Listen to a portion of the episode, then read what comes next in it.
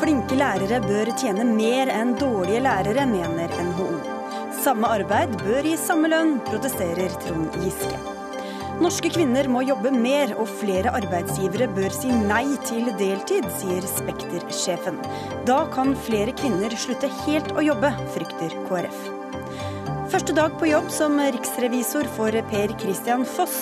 Michael Tetzschner håper partikollegaen utviser bedre skjønn enn forgjengeren. Og Arbeiderpartiets homonettverk ber statsministeren holde seg hjemme fra OL i Sotsji. Vil heller sende en gjeng homofile idrettsutøvere.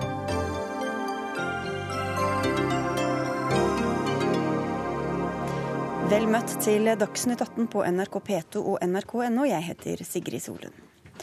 Mange priser eh, drømmelæreren i disse dager, og nå vil også NHO sette større pris på de gode lærerne, i form av høyere lønninger til dem som utmerker seg, mens de dårlige lærerne skal få lavere tall på lønnsslippen. Dette mislikte dere sterkt i Politisk kvarter i morges, Steffen Handal. Du er andre nestleder i Utdanningsforbundet. Har eh, forslaget vokst for dere i løpet av dagen? Nei, jeg tror ikke det, dessverre. Og det som er litt trist, egentlig, er at NHO med dette utspillet gjør denne, denne debatten veldig liten. Altså, Norske lærerlønninger det bør vi bruke tid på, men eh, det er lønnsnivået totalt sett som egentlig er for lavt. og Sånn sett så blir dette en veldig liten diskusjon om eh, lærerlønn. Det er faktisk sånn at eh, det finnes ingen hinder i dag i avtaleverket for å gi lærere lønn individuelt eller i grupper. Og det er også sånn at Man kan bruke lønn ved tilsetting for å lokke til seg eh, lærere som man trenger spesielt, f.eks. realfag, som nå er veldig populært. Og Det er til og med laget åpning, spesielle åpninger for dette i avtaleverket. Men det vi ser er at kommunene i liten grad benytter seg av denne muligheten. og Derfor blir dette litt sånn ja, det er en skinndebatt på sett og vis, og man adresserer ikke det som er det store problemet, nemlig hvordan skal vi få tak i 11 000 lærere fram mot 2020. Det er det NHO burde bekymre seg mer for. Hvordan har de tenkt å løse det problemet? Jeg vet ikke om dere kanskje er bekymret for det også, Svein Oppgaard. Du er eh, direktør for arbeidslivspolitikk i NHO. Men eh, er det en sammenheng mellom disse tingene, tror du? Ja, det tror jeg absolutt er en sammenheng i. Og for det første så er vi opptatt av rekrutteringen til læreryrket. Og vi tror jo nettopp at eh, gode lønnsbetingelser er en forutsetning for å gjøre læreryrket attraktivt. Så der er vi enige. Men her sier han jo også at det er mulighet for dette allerede i dag, og at det bare ikke benyttes i god nok, eller i, i stor utstrekning fordi det ikke finnes bevis på at det virker.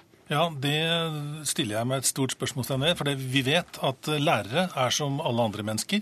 De blir motivert, de blir eh, inspirert. Og lønn er en både akseptert og anerkjent eh, modell for å premiere godt utført arbeid. Det er jeg helt sikker på også gjelder for lærere. Men det er jo ingen her som takker nei til lønn, og det vil jeg gjerne understreke. Det er ikke det som er poenget her. Men det dere foreslår, er altså en prestasjonsbasert eh, lønns, lønnsdannelse. Og det vet vi ganske mye om. Det er forska på dette. Det, det, gir veldig liten eh, effekt. Og det, det, er klart det er ikke vanskelig å innføre et sånt system i skolen. Men hvis det ikke funker, hvorfor skal vi gjøre det da? Men hvorfor funker det ikke for lærerne hvis det funker for andre, da? Nei, hvem har sagt at det fungerer for andre? Altså Det man ser, det er at i komplekse yrker eh, så vil prestasjonsbasert lønn det vil premiere noen få ting, og det vil føre til at folk fokuserer veldig på det sammenlignet med journalister? Er det antall spaltemeter som skal telle?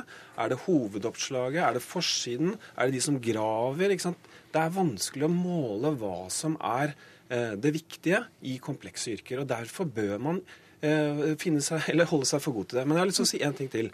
og det er at det er fullt mulig å differensiere lærerlønn mer enn i dag innenfor kompetanselønnssystemet. Og vi har faktisk initiert en debatt om faglige karriereveier. Det er et system som vil fungere på lærernes premisser. Og sånn sett vil det både ha legitimitet og det vil ha en forutsigbarhet som jeg tror også NHO vil finne interessant. Men det vil ikke være et prestasjonsbasert lønnssystem. Det vil jeg understreke. Nei, vi ser jo En ting som vi har grepet fatt i, det er frafallsproblematikken i skolen. Og Vi vet at den har vært relativt stabil over mange år. Og vi tror jo at den manglende konsekvenskulturen vi har i, i skolen, nemlig at uh, om resultatene er gode eller dårlige, så spiller det i prinsippet ingen rolle for lærerne. Vi mener at gode resultater bør inspirere. Gode resultater bør også premieres. Og gode resultater og god lønn det er attraktivt for lærere og for læreryrket. Eh, vi kan komme tilbake til detaljene her seinere. Vi har jo også invitert Kunnskapsdepartementet, men det var vel ingen som hadde lyst til å mene så mye om dette akkurat nå. Men eh, Trond Giske fra Arbeiderpartiet, du er altså utdanningspolitisk talsperson, har tidligere vært kunnskapsminister, har kanskje lyst til å bli det igjen. Hva syns du om dette forslaget fra NHO? For det første så syns jeg det er riktig tenkt at eh, lønn for lærere virker stimulerende. Og det er jo også riktig som han sier, vi trenger mange unge mennesker, dyktige folk, som søker seg til læreryrket. Vi har jo faktisk lykkes i å få flere til å søke lærerutdanning. Det har vært en økning på rundt 50% i løpet av noen år. Eh, og, og det å lønne lærere godt tror jeg stimulerer til det. Jeg tror også det at man har ressurser nok i skolen til å gjøre en god jobb, og være lærer, og mindre byråkrati og mange andre ting, påvirker Eh, den lysten. Vi hadde den samme diskusjonen for noen år siden. Da foreslo Høyre 50 000 til de flinkeste lærerne. Den gangen fikk vi sammen med Utdanningsforbundet til da vi satt i regjering, en pakke hvor alle lærere fikk 50 000. Lærerne underviste mer.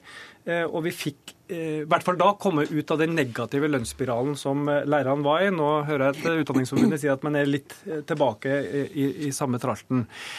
Jeg tror at man kan gi mer penger til noen lærere, men det må være et gjennomsiktig og oversiktlig system. Det har man mulighet til hvis en lærer tar på seg ekstra ansvar, leder en faggruppe av lærere, lager nye undervisningsopplegg, tar seg spesialutdanning innenfor f.eks. lesevansker blant barn. Mange slike ting. Altså kan... Nasjonale retningslinjer, f.eks.? Nei, retningslinjer. Det kan skolen gjøre sjøl. Det er fullt mulig innenfor dagens system at hvis en lærer tar en spesialkompetanse på å hjelpe Hva er forskjellen på det og forslaget fra NHO? Jo, det, for det NHO sier at gode resultater bør belønnes. Eh, og det tror jeg er utrolig vanskelig av flere grunner. For det første fordi at Læreren er ikke en selvstendig næringsdrivende. En lærer er en del av et team. Det er mange som bidrar til de resultatene. Å identifisere nøyaktig hvilken lærer som har bidratt til å hjelpe det barnet til å få gode karakterer, det tror jeg er ganske vanskelig. For det andre så er f.eks. karakterer et dårlig mål. Eh, en lærer som får eh, klassen sin om på, på et gjennomsnittlig nivå, kan ha gjort en fenomenal jobb med et dårlig utgangspunkt. Mens eh, andre som scorer godt, kan ha seila inn på bakgrunn av veldig ressurssterke foreldre eller andre faktorer. sånn at akkurat den Målinga der er utrolig vanskelig, og jeg tror det skaper et dårlig klima blant lærerne og tar bort den teamfølelsen. Belønn heller ekstrautdanning, god okay. kompetanse og mer ansvar. Men da får vi høre med deg, Oppgård, Hvordan skal dere lage disse parametrene og måle hvem som faktisk har suksess? Men først vil jeg si at Jeg er enig med Trond Giske i at eh, de objektive karrierestigene og de tingene som har gitt kompetanse, at det, skal, eh, at det skal premieres. Det er jeg helt enig i. Men vi går altså et lite skritt lenger. Vi mener også at man må kunne se på resultatene. Det er ikke noe forskjell på resultatmåling i læreryrket sammenlignet med andre yrker hvor man arbeider med mennesker som arbeidstaker. Så det går fint an å gjøre. Så for eksempel, karakterer, eller hva er det som skal telle for at du har Vi er jo ikke eksperter på dette. og Noe, noe lønnssystem, det mener jeg at det må skolen, skoleledelsen, skolene utarbeide. Men hvis de som er eksperter på det, som jobber i skolen, ikke vil ha det, da, hvorfor lytter dere ikke til dem da? Nei, Vi mener jo at eh, den erfaringen vi har så langt, er at lønn stimulerer til å løfte egen kompetanse. Det løfter også eh, enkelte lærer til å motivere elevene, og det er en viktig oppgave i skolen. Det er litt sånn paradoksalt at eh, NHOs representant sitter og forteller meg hva som vil motivere meg. Eh, jeg vet vel selv best som lærer hva som motiverer meg. og det, det våre medlemmer er helt tydelige på, det er at de ikke vil ha prestasjonsbasert lønn. Og Det er ganske gjennomgående blant lærere rundt omkring i verden. og der, Man har også sett på dette fra OECD-hold. Det er ingen, ingenting som tyder på at prestasjonsbaserte lønnssystemer fremmer f.eks. gode PISA-resultater. Det er ingen sammenheng i det hele tatt. Men Tror du ikke noen lærere opplever det som urettferdig at han eller hun som jo, jobber i klasserommet ved siden av, ikke gjør like mye og tjener absolutt, det samme? Absolutt. Det er, faktisk eh, i Talis-rapporten, der hvor lærere selv gir uttrykk for hva de mener, så sier jo de at eh, dårlige lærere ikke blir fanget opp og at dårlige lærere får fortsette med dårlig praksis. Det er jo en situasjon vi ikke kan leve med. Men, men dette med og fikk 50 000 ekstra av deg. Nei, men dette med prestasjonsbasert lønn vil jo ikke adressere det problemet i det hele tatt. Nei, og det, altså, Tanken er god, men det er litt sånn markedstenkning eh, på villspor. For man tenker at ok, her har vi noen gode lærere, vi har noen dårlige. Hvis vi sier at alle gode lærere får 50 000 eller 30 000, da blir de dårlige gode. Men det er på en måte feil svar på spørsmålet. Men Kanskje de gode blir enda bedre, Nei, da? Eller flere har lyst til å bli lærere? Ja, jeg tror vi må belønne det som læreren faktisk kan gjøre noe med. F.eks. at man spesialiserer seg, f.eks. at man tar etterutdanning. Og så må man ha et system som hjelper de dårlige, de dårlige lærerne eller de som er svake på ulike ting, enten det er pedagogikken eller faget, til å løfte seg. Men å tro at det går en masse late lærere rundt omkring og tenke at jeg skulle vært en god lærer hvis jeg bare hadde fått mer lønn, det er en misforståelse. Men, Men at folk skal belønnes for innsats, belønnes for spesialutdanning, etterutdanning, belønnes for å ta ansvar for å gjøre nye ting, Det er jeg helt enig i. Og da er dere sikkert litt enige, men jeg må spørre dere fra NHO også. Ja. Mener dere altså Skal potten utvides, eller er det noe som skal gå ned i lønn når da de andre skal få mer? Hvordan skal det Nei, fungere? dette må jo bevilges over de budsjetter som bevilges til lærerne. Men for det første, vi tror, har ikke sagt og aldri ment at det finnes en masse late lærere som går rundt omkring. Det er helt feil. Men vi mener at i tillegg til den kompensasjonen du får ved å ta utdanning osv., så, videre, så må det også være knyttet opp til resultatene. Det er jo ikke nok å ta en etter- og videreutdanning eller spesialisering. Det må også konkretiseres gjennom resultater. Og her er ikke lærere forskjellige fra andre mennesker. Det er stimulerende, det er attraktivt å kunne lære seg noe nytt. Og det bør også være en motivasjonsfaktor at man faktisk får gode resultater. Dette er jo grunnen til at vi kjemper for faglig karrierevei. Og både Arbeiderpartiet og Høyre har det i sine programmer, så vi har et veldig godt utgangspunkt her. Men det som blir litt merkelig, det er at NHO de, de snakker jo vanligvis ikke om at offentlig sektor skal bli større, eller at det skal være høyere lønn i offentlig sektor. Hvor skal disse pengene komme fra? Skal du ta fra de mange for å gi til de få? Altså, det er ikke den type stimuli vi trenger for å rekruttere 11 000 lærere fram mot 2020. Hvorfor vil dere ikke være med å kjempe for et høyere lønnsnivå? Det er det ene. Og det andre er, hvis dere er bekymret for eh, situasjonen i norske skoler, så vil jeg gi deg et tips. Eh, sats heller på å gi alle elever en rett til en kvalifisert lærer. Ville ikke det vært noe for NHO? For høre, jo, lærerutdanning, Vi er veldig tydelige på at lærerutdanning er viktig. og Vi ønsker å knytte mer ressurser til skolen. Vi skal satse på ungdom, vi skal satse på skolen. Definitivt. Så det dreier seg ikke om dette. Men det vi har pekt på, er å gå litt videre for å reise en debatt som går litt lenger i å måle resultater opp mot innsats. Og der mener vi lærere tok, er i samme gruppe som andre en, mennesker. Og hvis vi tok en bitte liten brøkdel av de skattekuttene som jeg nå ønska seg, så hadde vi råd til både god lærerlønn og god skole. Åh, der fikk luringen Trond Giske siste ord her. Så får vi se hva Kunnskapsdepartementet sier når de får tenkt seg om. Takk skal dere ha for at dere kom til Dagsnytt 18.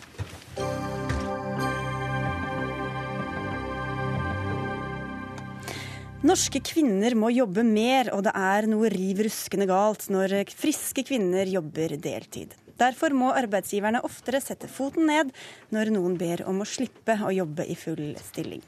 Du er avsenderen bak dette for mange provoserende budskapet, Anne Kari Bratten. Du er eh, administrerende direktør i arbeidsgiverforeningen Spekter. Hvorfor er det et problem, syns du, at så mange norske kvinner jobber deltid? For det første så er det veldig viktig å understreke innledningsvis at når man har små barn, når man er syk eller har nådd en viss alder, da er det helt legitimt å jobbe deltid. Det skulle bare mangle. Men ellers så mener jeg at eh, hovedregelen i arbeidslivet må være at alle jobber heltid. Og det er det tre grunner til. For det første så blir det mye større kompetanse og kontinuitet rundt tjenestene, rundt brukerne, rundt pasientene og rundt tjenesteytingen hvis man jobber heltid. En heltidsansatt utvikler større kompetanse enn en deltidsansatt. For det andre så er det sånn at Norge står overfor store demografiske endringer i årene som kommer. Og vi vil komme til å trenge veldig mye arbeidskraft, og det sier også regjeringen i regjeringserklæringen. Om bare noen få år så vil det være under to arbeidstakere bak hver pensjonist i Norge. Så det betyr at vi trenger all arbeidskraften. De som jobber deltid, må forberede seg på å jobbe heltid. Og det siste argumentet det er at kvinner trenger å jobbe heltid for å få økonomisk selvstendighet og for å få en pensjon som er til å leve av. Men Du ga noen eksempler på når det er greit å jobbe deltid. Men hvilke eksempler vil du gi på at kvinner som egentlig har lyst til å jobbe deltid, ikke skal få lov til å jobbe deltid av arbeidsgiveren? Jeg mener at det er et tankekors at i den tiden hvor vi har klart å øke barnehagedekningen fra 60% til 90% så har deltidsandelen for småbarnsmødre eh, falt til 35% I den samme perioden så har deltidsandelen blant de som ikke har barn, eller har barn over 16 år, kvinner, økt til 44% fra 42% Og jeg mener at det må kunne gå an å stille spørsmålstegn ved hva vi i arbeidslivet kan gjøre for å legge forholdene til rette for at friske, voksne damer som ikke har små barn, hvordan vi kan få de til å jobbe mer. Og da bør arbeidsgiveren kunne si nei? Jeg syns at alle arbeidsgivere skal si nei til at folk jobber deltid, fordi vi trenger all den arbeidskraften vi kan i årene framover. Dagrun Eriksen, du er fungerende partileder nå i Kristelig Folkeparti. Hva var den første tanken din da du hørte Bratten? Nei, altså jeg tenker at uh, det er veldig viktig at folk får ta avgjørelser på eget liv. Uh, og det at uh, arbeidsgivere skal nekte kvinner å jobbe deltid, sikkert alle, men det var vel spesielt kvinner som ble henvist til i denne artikkelen, så tenker jeg at da får du en risiko på at folk velger kanskje å stå helt utenfor. For jeg tror vi trenger eh, også den arbeidskraften som ønsker å være med og jobbe deltid. Og nå vet vi at det er 900 000 eh, mennesker i arbeidsfør alder som står utenfor arbeid. Det hadde vært mye bedre å få de inn i arbeid, om det så var i deltid, eh, enn at de skal være inne i eh, Eller stå helt utenfor. Så jeg tror at med å gjøre eh, det kravet om at alle skal jobbe 100% alltid, det gjør at du bare er tilpassa av fire mennesker. Det kan være mange grunner at også damer som ikke har små barn, står utenfor. F.eks. kan det handle om eldre, at de har eldre foreldre som de tar seg av. Eller det kan være at de faktisk stiller opp for at ungene deres er blitt småbarnsforeldre igjen. Jeg vet ikke om du ser for deg en lovendring eller hvordan dette skal være praktisk, men hva slags mulighet skal en arbeidsgiver da ha til å overprøve en 50 eh, år gammel dame som sier at hun er for sliten, f.eks.? Altså, hovedregelen er jo, og dette er jo en kamp som både fagbevegelsen og arbeidsgiverne fører i fellesskap, og det har vi gode diskusjoner om i trepartssamarbeidet, at skal, hovedregelen skal være heltid. Altså, vi har jobbet de siste årene veldig målrettet fagbevegelsen og arbeidsgiverne imellom for at heltid skal være hovedregelen. Det er best for eh, alle. Så, så det er jo ikke grunn til å ha noe lovendring lovendringer. Det er jo slik at loven og tariffavtalen i dag er jo ganske fulle av rettigheter til folk som trenger å gå ned i stilling akkurat i de tilfellene som Dagrun Eriksen nevner.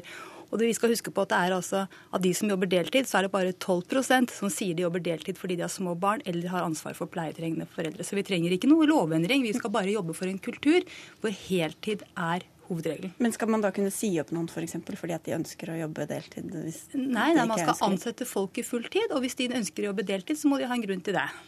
Vi får høre med deg også, Kristian Dahlberg Hauge. Du er statssekretær i Arbeids- og sosialdepartementet fra Fremskrittspartiet. Ser dere på alle deltidsarbeidende kvinnene særlig da, som det er som et problem?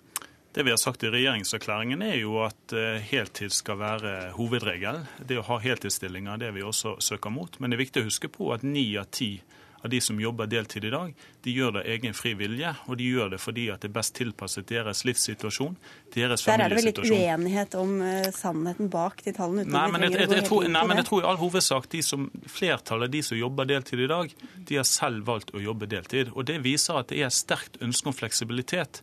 Derfor tror jeg en del av dette svaret det er det regjeringen har varslet ved at vi gjør en oppmykning og modernisering av arbeidsmiljøloven, slik at fleksibilitet får større anerkjennelse i lovverket. fordi mange arbeidstakere etterspør nettopp fleksibilitet, og det gir seg utslag i at mange velger å jobbe deltid i dag. Men både Fremskrittspartiet og KrF eh, har jo ofte ganske gode løfter om, eh, om ting og goder eh, som skal føre med seg ganske høye utgifter også, da, Grønn Eriksen. Hvordan skal dere klare det hvis ikke dere får flere kvinner til å jobbe fulltid? Nei, Det handler om den reserven som faktisk ønsker inn på arbeidsmarkedet i dag, som altså vi ikke klarer. og folk som har vært utenfor arbeidslivet ja, og som ønsker seg tilbake. Det er jo mye viktigere å få utløst det potensialet potensialet. Er det enten-eller på det, da? Nei, men det, det, er i hvert fall en reserve som jeg syns er viktigere å ta. Og så er det også å ta de 6,5% av de som jobber ufrivillig deltid. er jo viktig at de får heltidsstillinger. Det Jeg tenker, jeg syns statsministeren hadde en flott nyttårstale som sa noe om det å våge å satse på folk som ikke har full CV. Det sier noe om at det er viktig å ha et fleksibelt arbeidsliv som gjør at folk i forskjellige livssituasjoner kan eh, delta og kan delta lengre. Hvis folk da trenger å jobbe deltid, så ser ikke jeg at det er den store utfordringen. Det er mye større problem for KrF at folk ikke får arbeid som ønsker det, og at folk som jobber ufrivillig deltid, ikke får heltidsstillinger. Det er jo sånn at For bare noen få år siden så sa halvparten av de deltidsansatte at de kunne ha jobbet mer dersom de hadde en arbeidstidsordning tilpasset sitt behov. Nå så sier nesten 70% av de deltidsansatte at dersom de hadde hatt en arbeidstidsordning tilpasset sine individuelle behov, så kunne de ha jobbet mer. Det er veldig viktig at regjeringen nå gjennomfører det som står i plattformen, nemlig om å eh, sette ned et arbeidstidsutvalg og gjøre de endringene i loven som gjør at arbeidsgivere kan tilby fulle stillinger. Og det går jo an å både jobbe med med det problemet at 40% av norske kvinner jobber deltid, samtidig som man jobber i IA-avtalens ånd for at de syke skal komme tilbake på jobb. Vi har ingen fra arbeidstakerorganisasjonene her, så vi skal ikke gå inn i en sånn lang diskusjon om det. Men det som Dagrun Eriksen sier, det løser jo ikke problemet for det tredje elementet du dro inn, nemlig hver enkelt kvinne som ikke blir økonomisk selvstendig. Nei, altså det er jo veldig viktig at vi også jobber med å uh, ha Eh, en arbeidstidsordning og legge arbeidsliv til rette for at alle de som jobber deltid, det er 13% av mennene og 40% av kvinnene som jobber deltid.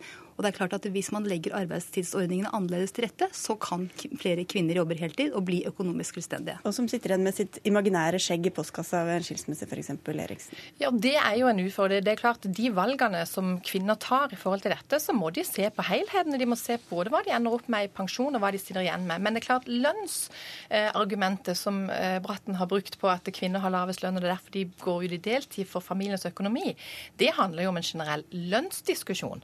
Og der bør vi jo få opp eh, lønn til kvinner og kvinneyrker på en helt annen måte. Så får du det. Jeg syns det blir litt feil å bruke det som argument for å frata folk muligheten til å velge å ta verdivalg i sine liv. Men det, må, det er også økonomiske verdivalg eh, som kvinner må være klar over. Og Den nye likestillingsministeren, altså Solveig Horne fra Frp, sa for en liten stund siden at venstresiden pusher en A4-løsning på folk, der alle skal ut i inntektsgivende arbeid, og at hjemmeværende blir diskriminert av de politisk korrekte. Hva syns du om det, Bratten? Jeg syns ikke det hører noe sted hjemme å karakterisere norske kvinner på den måten, eller karakterisere arbeidsliv og familie på den måten. Vi skal huske på at dersom ikke vi klarer å mobilisere denne delen av arbeidskraften, så kommer vi ikke til å kunne betjene velferdsstaten på samme måten som vi har i dag. Regjering etter regjering sier at folk må jobbe mer. De som jobber deltid, må jobbe mer, og vi må jobbe lenger før vi kan ta ut pensjon. For vi i det hele tatt skal kunne ha det samme nivået på velferdsstaten. Ja, Jeg tror det er viktig å huske på at den problemstillingen med at vi trenger mer arbeidskraft i fremtiden, den er helt reell.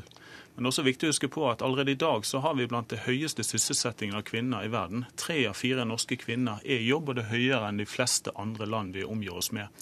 Og Da er det også viktig å ta med det poenget som KrF er inne på, nemlig at det står mange grupper på utsiden av arbeidslivet i dag som gjerne vil inn og jobbe, som kan inn og gjøre en jobb dersom de får litt tilrettelegging. Og Det å få utnyttet alle disse gode kreftene i fremtidens arbeidsmarked, det er det vi trenger for å opprettholde velferdssamfunnet. Det er helt riktig. Men hvordan skal dere hylle eh, den hjemmeværende kvinnen samtidig som dere skal få flere ut i jobb? Det, handler litt om å anerkjenne at eh, folk faktisk er i stand til å ta egne valg. Eh, denne regjeringen setter valgfrihet veldig høyt, og det betyr at vi skal stole på at familier og enkeltpersoner er i stand til selv å ta egne valg for sine liv.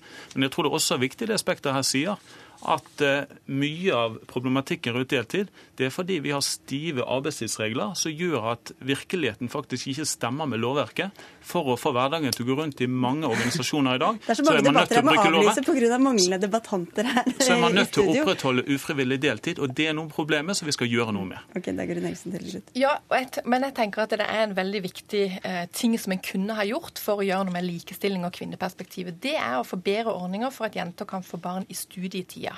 For det tror jeg er noe av hovedutfordringen til at kvinner jobber deltid småbarnstida og kommer sliten ut etter den, er at ikke man har ordninger som gjør at man kan være student og mor samtidig. Da tror jeg vi har vært innom sånn som åtte forskjellige debatter bare i løpet av en. vi får runde før det kommer flere. Takk skal dere ha for at dere kom. Dagrun Eriksen fra Fremskrittspartiet, Kristian Dahlberg Hauge fra Arbeids- og sosialdepartementet og Anne Kari Bratten fra Spekter.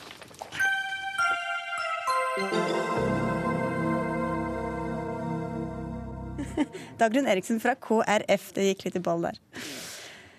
Er det viktig for eh, rettssikkerheten at eh, retten får innsyn i et potensielt voldtektsoffers historie? En mann som ble dømt for voldtekt i tingretten, ble frifunnet i lagmannsretten før jul. Da hadde juryen fått vite at offeret hadde anmeldt et voldtektsforsøk tidligere. Det innsynet er bra, og det kalles rettssikkerhet, skrev rettskommentator i Aftenposten Inge D. Hansen, og hisset på seg eh, bl.a. deg, Gro Wilhagen. Du er advokat og har skrevet om dette på NRK Ytring i dag. I et innlegg der skriver du at han gir voldtektsofre et fryktelig galt signal. Hva tenker du på da? Ehm, det jeg for det første reagerte på her, er at ehm, rettskommentatoren legger seg for så vidt på linjen til eh, forsvareren i saken. Han gir eh, dokumentinnsynet avgjørende eh, vekt. Mens fagdommerne i saken har uttalt at det ikke var tilstrekkelig grunnlag for å trekke en sånn slutning. At dokumentinnsynet i forhold til den tidligere saken rokket ved hennes troverdighet. Og jeg tenker det er generelt veldig vanskelige saker, dette, voldtektssaker veldig vanskelige bevismessige saker. Jeg har ikke vært til stede i denne saken, så jeg kan jo ikke uttale meg om den.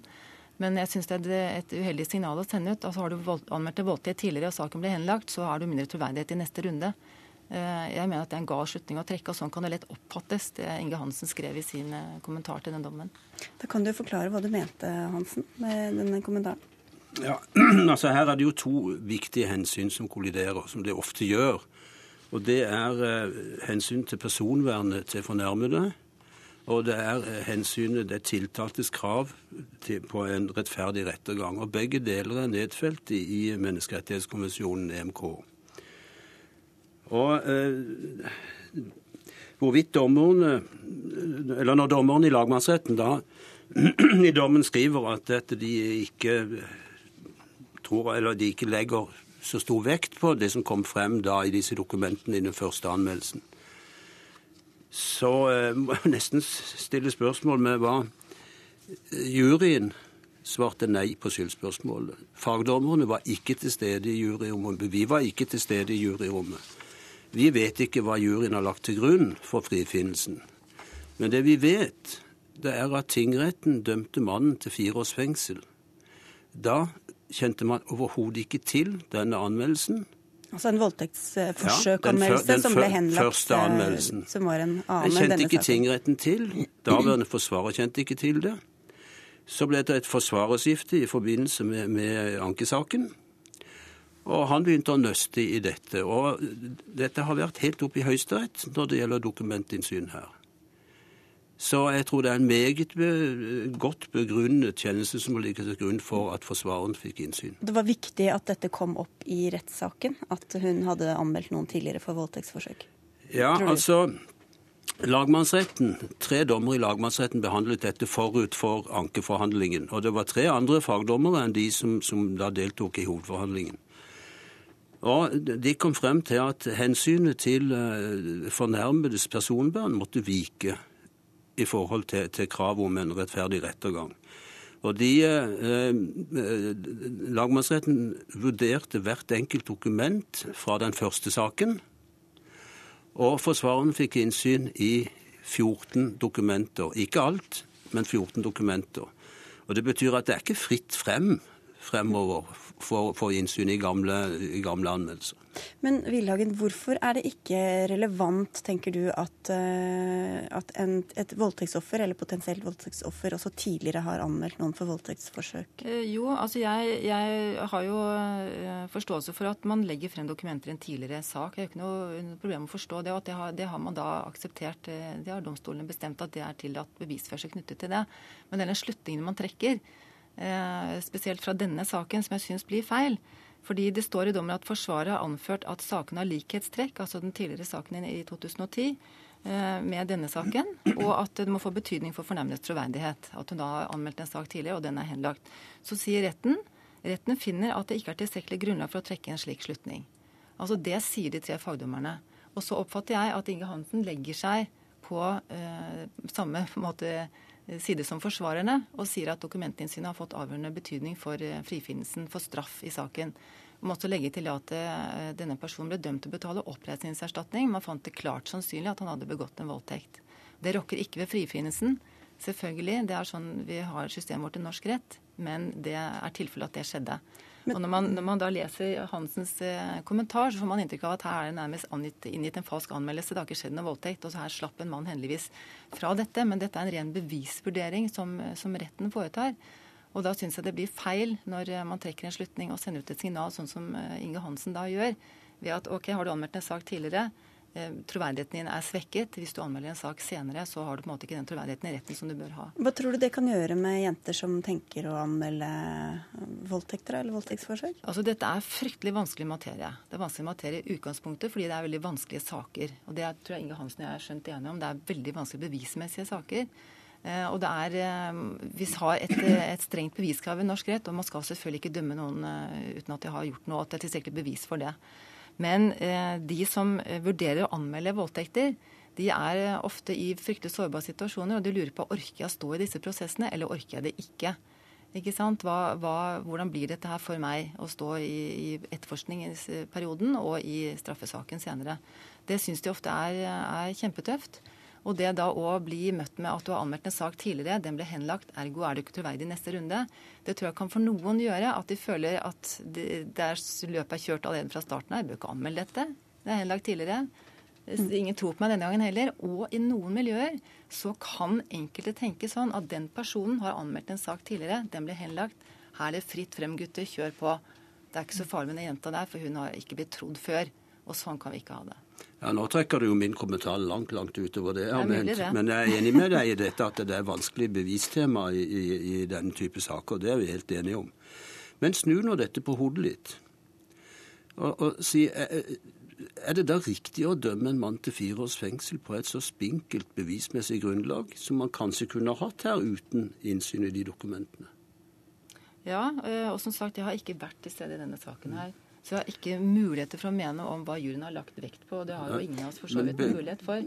Men selvfølgelig skal man ikke bli dømt på et spinkelt bevismessig grunnlag. Det er jo ingen av oss som, er, som mener det. Eh, vi skal ha et system for, eh, for, rettssikkerhet og krav til bevis som er strengt, sånn som vi har det i Norge. Jeg er ikke noen motstander av det. Ikke... Men, og Vi kan jo ikke gå så langt inn i denne saken som mange ikke kjenner til heller, Hansen. Men er, altså, ser du eller tror du at din kommentar og din framstilling eller Aftenpostens framstilling av saken kan ha bidratt til å gjøre det mindre troverdig? Altså Hvis en dame f.eks. er blitt voldtatt to ganger, at, at man da får en, en mindre troverdighet andre gang? Altså, Lagmannsretten sier jo at dette noe av forklaringen hennes er troverdig, andre deler er ikke troverdig, og det sier akkurat det samme om tiltaltes forklaring. Så, men jeg tror, så vidt jeg har skjønt, så var bevisbildet noenlunde det samme i tingretten, hvor han fikk fire år, og i lagmannsretten, da med unntak av at disse dokumentene ble kjent for retten. Vi får avslutte der. Tusen takk for at dere kom til eh, Dagsnytt 18, Inge D. Hansen fra Aftenposten og advokat eh, Gro Wilhagen. Takk. Hør Dagsnytt 18 når du vil, på nettradio eller som podkast. nrk.no – dagsnytt 18.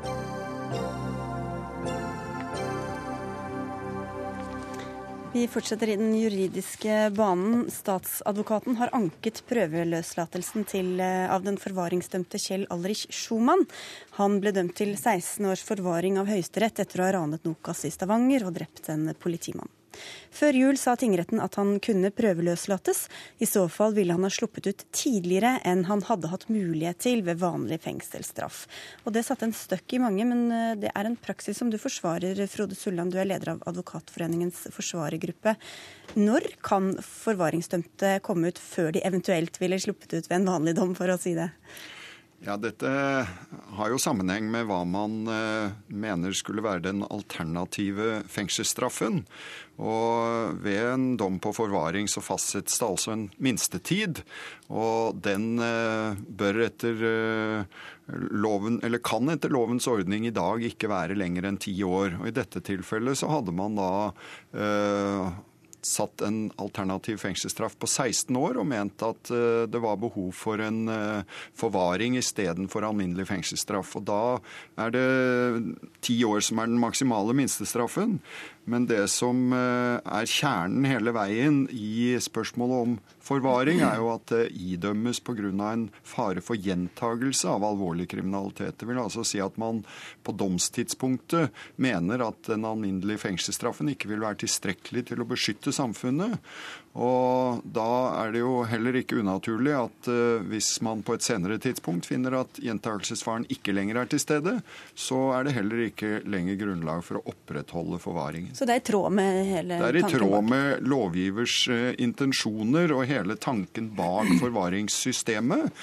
Uh, når det gjelder de lengste forvaringsdommene, så er jo de for det første svært, svært sjeldne. Statistikken viser jo at over 15 15 års som maksimumstid kun skjer i under 10% av tilfellene. Og da er det en unntakssituasjon at man har så lange forvaringsstraffer. Og lovgiver, i hvert fall en av dem sitter ved siden av deg, Jan Arild Ellingsen, du er stortingsrepresentant for Frp, medlem av justiskomiteen. Hva syns du om at forvaringsdømte da i noen tilfeller kan slippe ut før det de hadde gjort ved et alternativ vanlig fengselsstraff? For min del og for Fremskrittspartiets del så oppleves det her som et paradoks. Og vi tror ikke at det var intensjonen til lovgiver i sin tid. Men det kan godt hende at lovgiver her møter seg sjøl i døra ved å ha hatt det kravet om at det skal være fare for gjentagelse. Hvis det ikke er det, så skal man også prøveløslates. Og så er det jo et paradoks at eh, hele forvaringsregimet var tenkt å bruke på de mest alvorlige, mest farlige tilfellene der samfunnet har særskilt behov for beskyttelse. Når du da ender opp med at en person, i dette tilfellet som saken dreier seg om, som skyter en politimann under denne type episoder, hvis man kan kalle Nokas-saken for det, og så kommer ut etter ti år, det tror jeg provoserer mange, og det viser vel de reaksjonene som er kommet fra det politiske Norge. Så Det, det gode med denne eh, kjennelsen det er jo at det vil skape en, en debatt om eh, forvaringsregimet og rammene i bruken av det. En ren og skjær provokasjon, kalte du denne prøven? Ja, det gjorde jeg. Helt klart jeg gjorde det. Jeg mener fortsatt at det er det. Og på nytt igjen, en person som begår denne type handling, så slipper ut med det hjemmelskriteriet som ligger i forhold til å påberope seg prøveløslatelse, mener jeg er feilslått. Jeg veldig glad for at Fremskrittspartiet stemte imot det i 2001. Det har du sjekka i dag, sikkert. Det har jeg gjort, blant annet. Sulland, en, en, en forvaringsdom oppfattes jo sikkert strengere enn en, en, en vanlig Det er vel her vi er kanskje litt i kjernen av problemstillingen. Fordi eh, det fremstilles ofte, og gjerne fra politikere, som at forvaring er det vi skal bruke når det er de mest alvorlige tilfellene, og skal være den strengeste reaksjonen. Men eh, poenget er at dette er en særreaksjon hvor den alternative fengselsstraff ikke anses tilstrekkelig til å beskytte samfunnet. Og det viser statistikken at man oppfyller for så vidt intensjonene ved at eh, rundt halvparten av forvaringsdommene gjelder midlere eh, straffer på en fem til syv år som alternativ fengselsstraff. Og da er poenget at det er lovbrytere som pga. personlighet, pga. miljø eller hva det måtte være, representerer en spesiell gjentagelsesfare hvor handlingen i seg selv ikke er så grov at den tilsier en langvarig straff, men man trenger å kunne ha muligheten for å forlenge den for å beskytte samfunnet. Og det er altså en feil utlegning av forvaringsstraffen å omtale som den strengeste, den vi skal bruke når det er de alvorligste tilfellene. Men, men i motsetning til tidsbestemt straff, så har man jo muligheten til å forlenge forvaring. Det kan du også ikke med ordinær fengselsstraff. Så der mener jeg klart det er et skille. Og det var også det, det er det som ligger i lovforarbeidet. Så det er det, det, klart- du vil bruke det som, og ikke som å, til, å, til å vurdere gjentakelsesfaren, som jo de er, retten har gjort i deg? Ja, helt men selvfølgelig skal retten gjøre det, for det var jo en del av det som, som Stortinget som lovgiver den gang påpekte. Du bare liker liker ikke at de kommer fram til at det ikke er Jo, en. Det, det, jeg mener at det er ypperlig at de gjør det. For det man påpeker, det er jo rett og slett om lovforarbeidet som Stortinget og Justisdepartementet den gang gjorde, er godt nok, eller om at realiteten er blitt noe annet enn det lovgiver ønsker seg. Og når jeg ser utspillet fra Arbeiderpartiet, fra KrF og fra andre, så tenker jeg at dette vil komme til å føre til en debatt. Og det må jo være bra for alle parter. for ingen av oss ønsker i hvert fall at folk som i utgangspunktet anses som farlige, går fritt omkring i samfunnet. Men her har du jo ikke vurdert han som farlig i dette tilfellet, da. Men Ja, vil du da øke minsterett- ikke fare minstetiden? for- det- Ikke, far, ikke nærliggende fare for gjentakelse har de vurdert. Og det er klart, Hvis du sitter inne og vet at hvis jeg nå sitter pent og pyntelig i båten, så slipper jeg ut på minstetida. Selvfølgelig gjør du det. Folk er jo ikke dumme. Det er jo ikke så enkelt som dette, Ellingsen. Eh, Domstolene foretar en noe mer eh, grundig vurdering, og, det har lovgiver bestemt at de skal gjøre, og det har de gjort her i denne saken, som i alle andre prøveløslatelsessaker, hvor, hvor spørsmålet gjens, blir gjenstand for en grundig vurdering, bl.a. ved oppnevnelse av sakkyndige i de aller fleste tilfeller.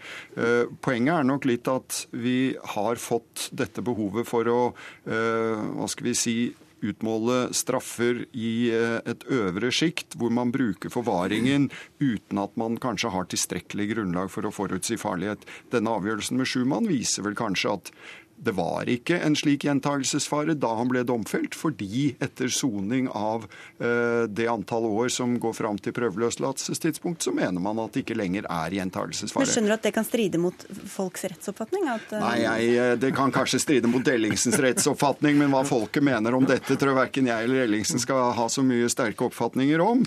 Eh, Jeg kan se at det er et paradoks i de enkeltsakene hvor det utmåles som alternativ til en så lang fengselsstraff.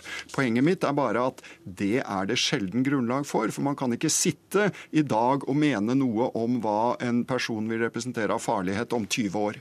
Hva vil du gjøre med denne forvaringsordningen da, Ellingsen? Øke minstetiden, eller ta bort det med kan være- gjentagelsesfare, det- eller hva det vil du? kan- Ja, jeg mener Man må se på kriteriene som er lagt til grunn for hvordan man skulle vurdere gjentakelsesfareelementet i det, ikke minst. Man må se på om man trenger en minstestraff, minstetid på det i det hele tatt. Man kan la det være, men at man samtidig åpner for en adgang til å få prøvd saken sin, for det syns jeg man skal ha. Men jeg syns det på mange måter at det er bra at eh, man har fått den konklusjonen man har, for da må lovgiver gå en runde med seg sjøl og, og se om det er sånn vi vil ha det. Og er det ikke sånn, så må vi gjøre en jobb her i, for, for å endre lovverket. Da får vi helt på tampen høre hva du mener om disse forslagene, Sula. Ja, Poenget mitt er altså at uh, dette er et svært sjeldent uh, problem, og at det kan være aktuelt å endre det hvis man opprettholder at man ønsker å bruke forvaringen også på disse lange straffene. Jeg vil oppfordre lovgiver til å ha en gjennomgang på om man har et grunnlag for å spå gjentagelsesfare 20 år fram i tid, og heller vurdere og evaluere hele forvaringen opp mot det perspektivet. Og Justisministeren sa han ønsket seg en debatt, og det har vi også nå fått. Takk skal dere ha for at dere kom, Jan Arild Ellingsen og Frode Sulland.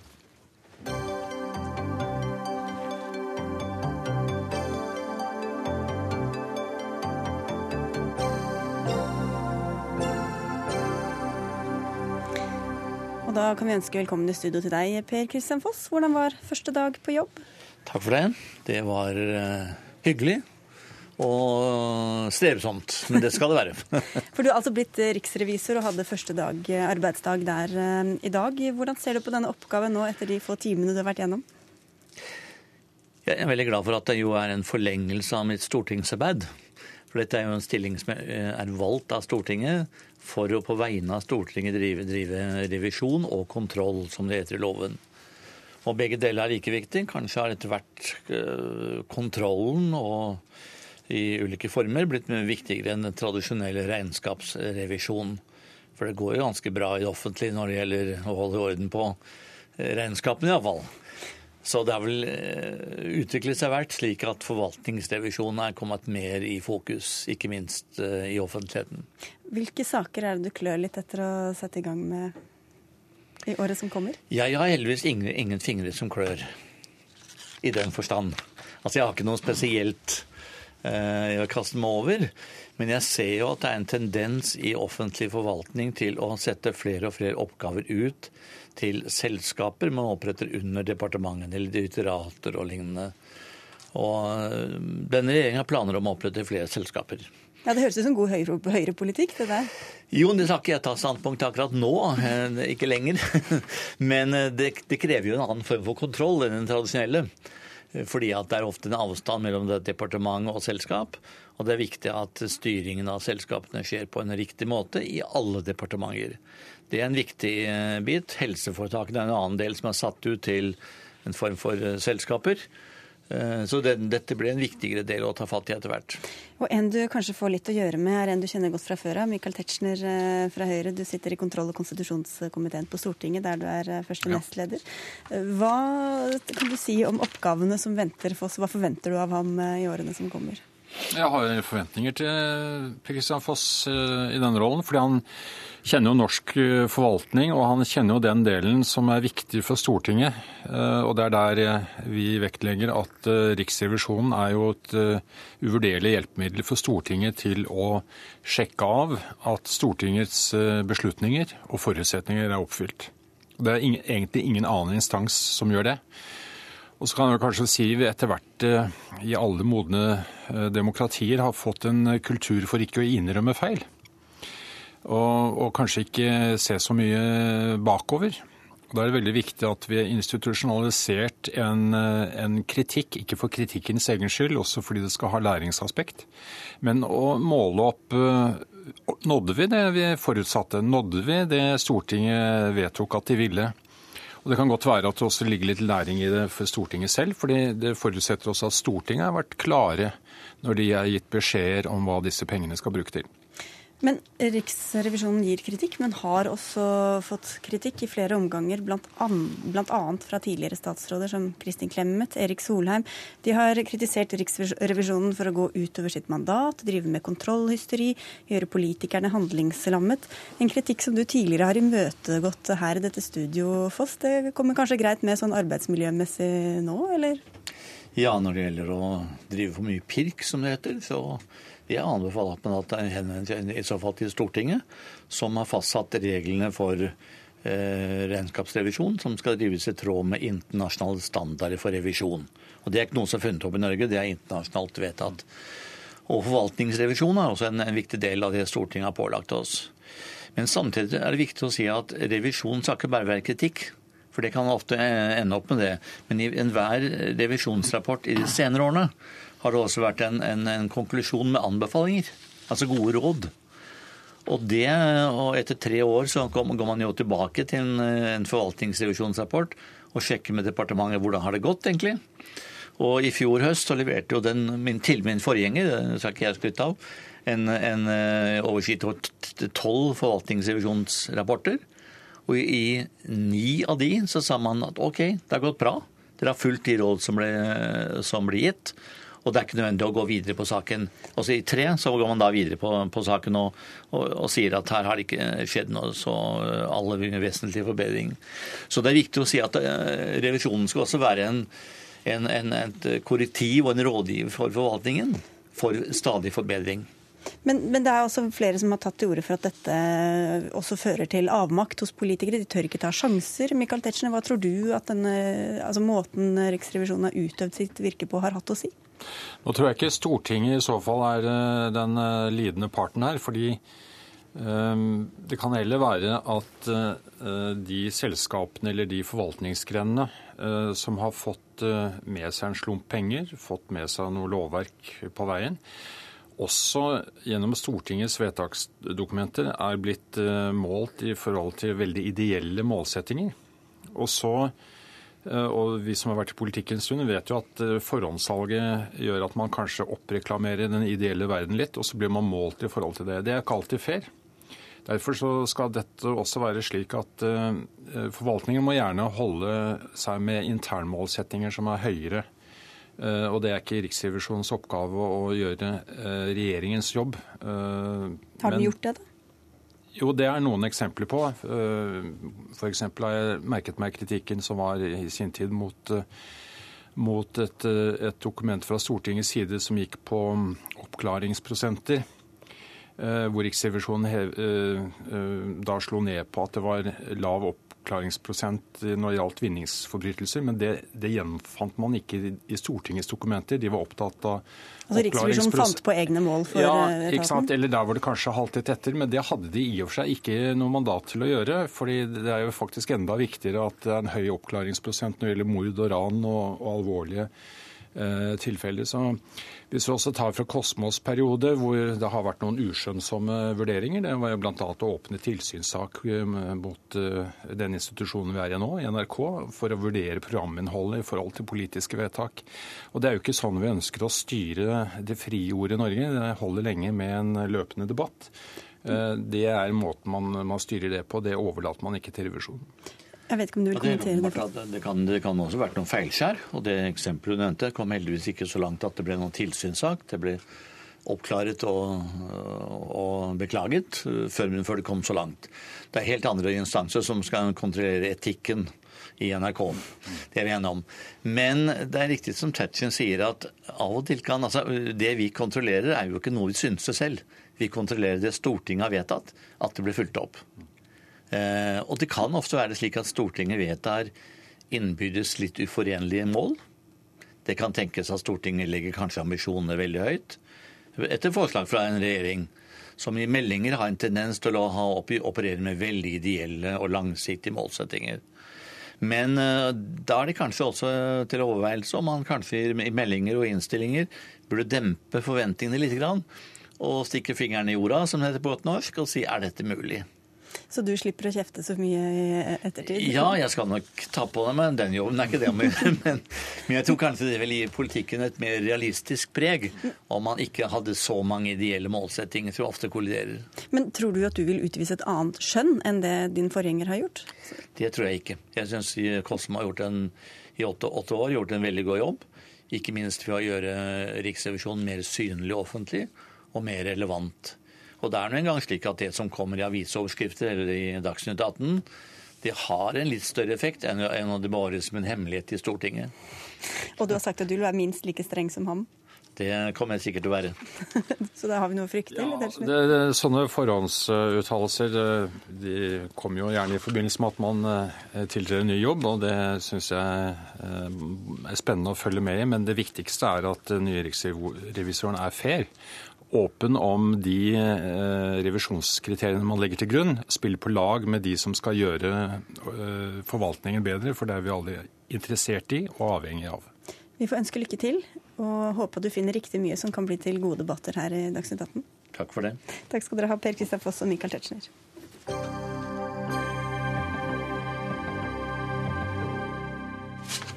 Statslederne i USA, Tyskland, Storbritannia, Frankrike blir hjemme. Men statsminister Erna Solberg har bestemt seg. Hun drar til OL i Sotsji.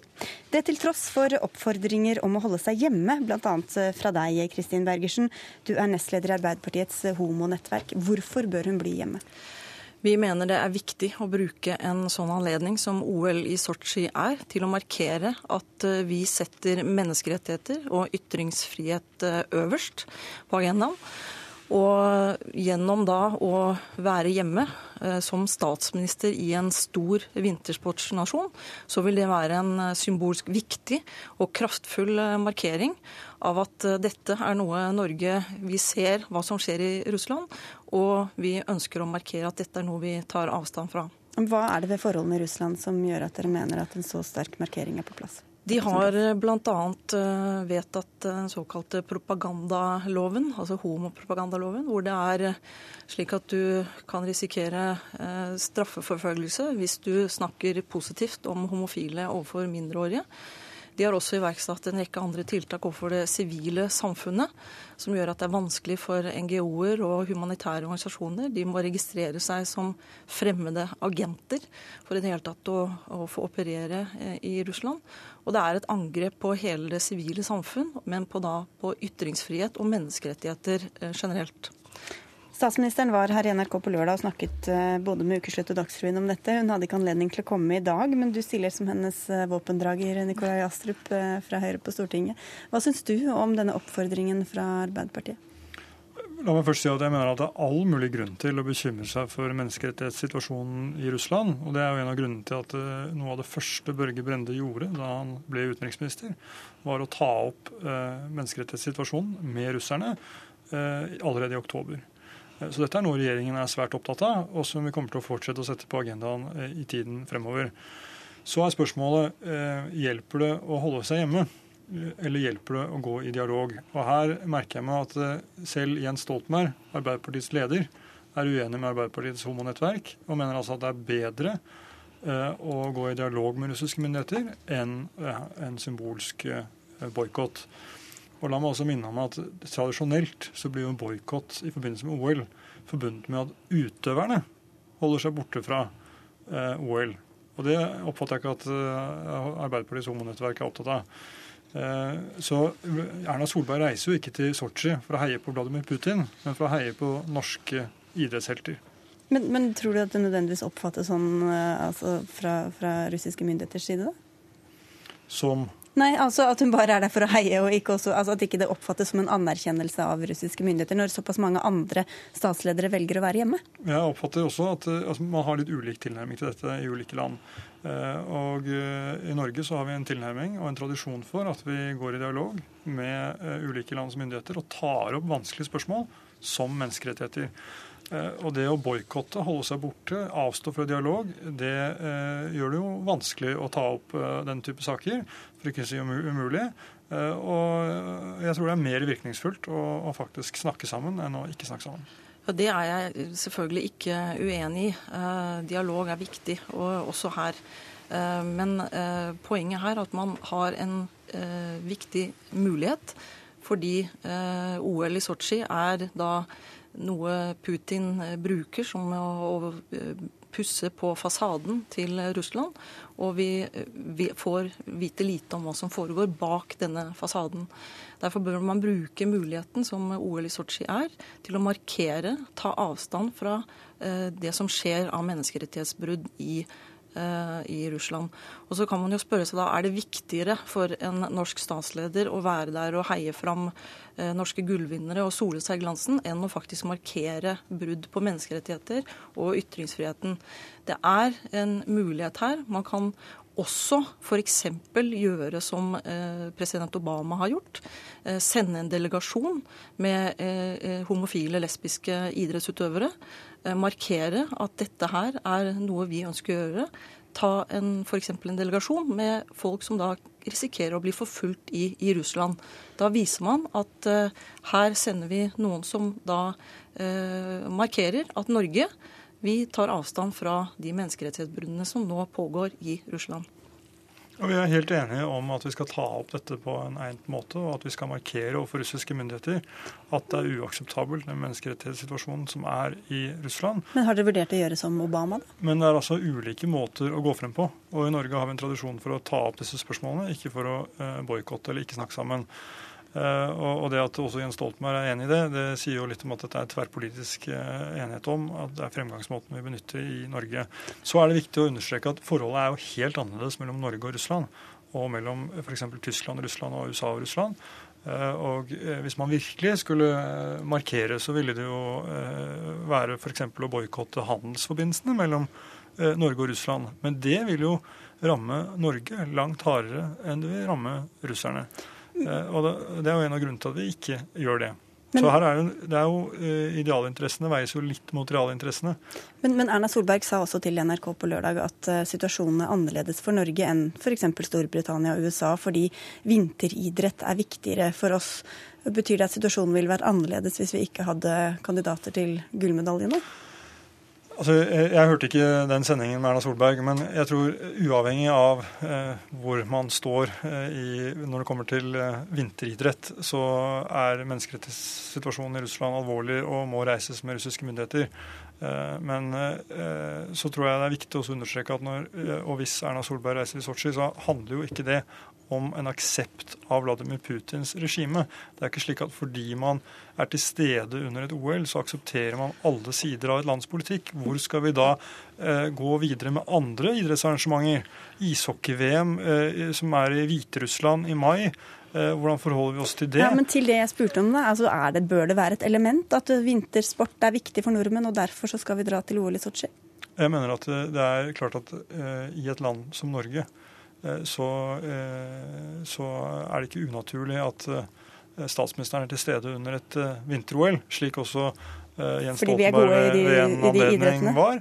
Og, fordi at idretten, altså den vinteridretten er, er, viktig? Derfor, det er nettopp derfor, fordi vi er en stor vintersportsnasjon. Det vil blitt lagt merke til at vi gjorde dette valget, at statsministeren valgte å bli hjemme og sende en delegasjon som består av mennesker som risikerer å bli forfulgt i Russland. Det er nettopp en sånn markering som ville gjort at det ville blitt lagt merke til, og ville lagt ytterligere press på Men Tror du ikke det kunne blitt oppfattet som en provokasjon, og dermed gjøre det vanskeligere å få til den dialogen som alle ønsker, hvor man skal kunne øve innflytelse på, jeg tror russiske myndigheter? Jeg tror det er mulig å gjøre begge deler. Jeg tror det er mulig å markere avstand til hva uh, som faktisk skjer i Russland. Uh, vise støtte til aktivistene i Russland som uh, strever under en, en hard hverdag. Og, og, også samtidig ha dialog med russiske myndigheter. Det er fullt mulig å gjøre. Og det er jo ikke snakk om en boikott. Det er snakk om en politisk markering i et OL som Putin vil velge å selge inn som en, en oppussing av Russlands fasade. Så det er en politisk eh, agenda altså fra hans side også, tenker du? Selvfølgelig. Eh, det er, det er mange som sier at, at, OL ikke er et politisk arrangement, og vi skal avstå fra politiske markeringer under OL. Men selvfølgelig så er OL et viktig arrangement for Putin, for å vise fram et annet Russland enn det som eksisterer under fasaden. Jeg tror ikke Vladimir Putin bryr seg om Erna Solberg ikke er til stede under åpningsseremonien under OL i Sotsji. Eh, jeg tror derimot han bryr seg om at hun reiser viktige menneskerettighetsspørsmål med ham i de samtaler de har. Eh, det tror du ikke det har langt, noe å si hvor mange som dukker opp på den åpningsseremonien? Det har langt mer eh, større effekt hvis hun gjør det, enn hvis hun velger å utebli fra en åpningsseremoni, hvor det jo kommer til å være svært mange prominente mennesker fra svært mange land og selv om Norge liker å ha et, eller Norge har et stort selvbilde, kanskje større enn det landet tilsier, så tror jeg ikke at vi oppfattes som så store ute Nei. at det kommer til å gjøre veldig stort inntrykk. Men så, så hvis Norge var større, så skulle vi heller latt være å dra, eller? Jeg, jeg tror som sagt ikke på boikott uh, av enkeltpersoner inn i regjeringen som et godt politisk virkemiddel. Men hva er argumentet da? At vi er så lite at merker, de merker ikke at vi er nei, der? Men, nei, men poenget er at det, det viktige er jo å reise problemstillingen. Og derfor så er det viktigere å, å nettopp gjøre det ansikt til ansikt fremfor å eh, la være å møte, og da gå glipp av den muligheten til å ta opp et vanskelig spørsmål for Vladimir Putin eh, og eh, Russlands regime. Men det er mulig at denne, denne eh, da, jubelen i Sotsji den vil nok eh, drukne mulighetene til å protestere og til å markere seg mot eh, menneskerettighetsbrudd i, i, Russland. Det er faren ved å dra dit og være med på å sole seg i glansen av norsk gull, som eh, da hun setter før det å være eh, klar på at Norge er for eh, menneskerettigheter og, og, ytringsfrihet. Vi er nødt til å sette strek. Takk skal dere ha for at dere kom, Nikolai Astrup eh, fra Høyre og Kristin Bergersen fra Arbeiderpartiets homonettverk. Dagsnytt 18 er over for i dag. Odd Nytrøen hadde ansvaret for innholdet, Lars Tronsmoen for det tekniske, og Sigrid Solund var i studio.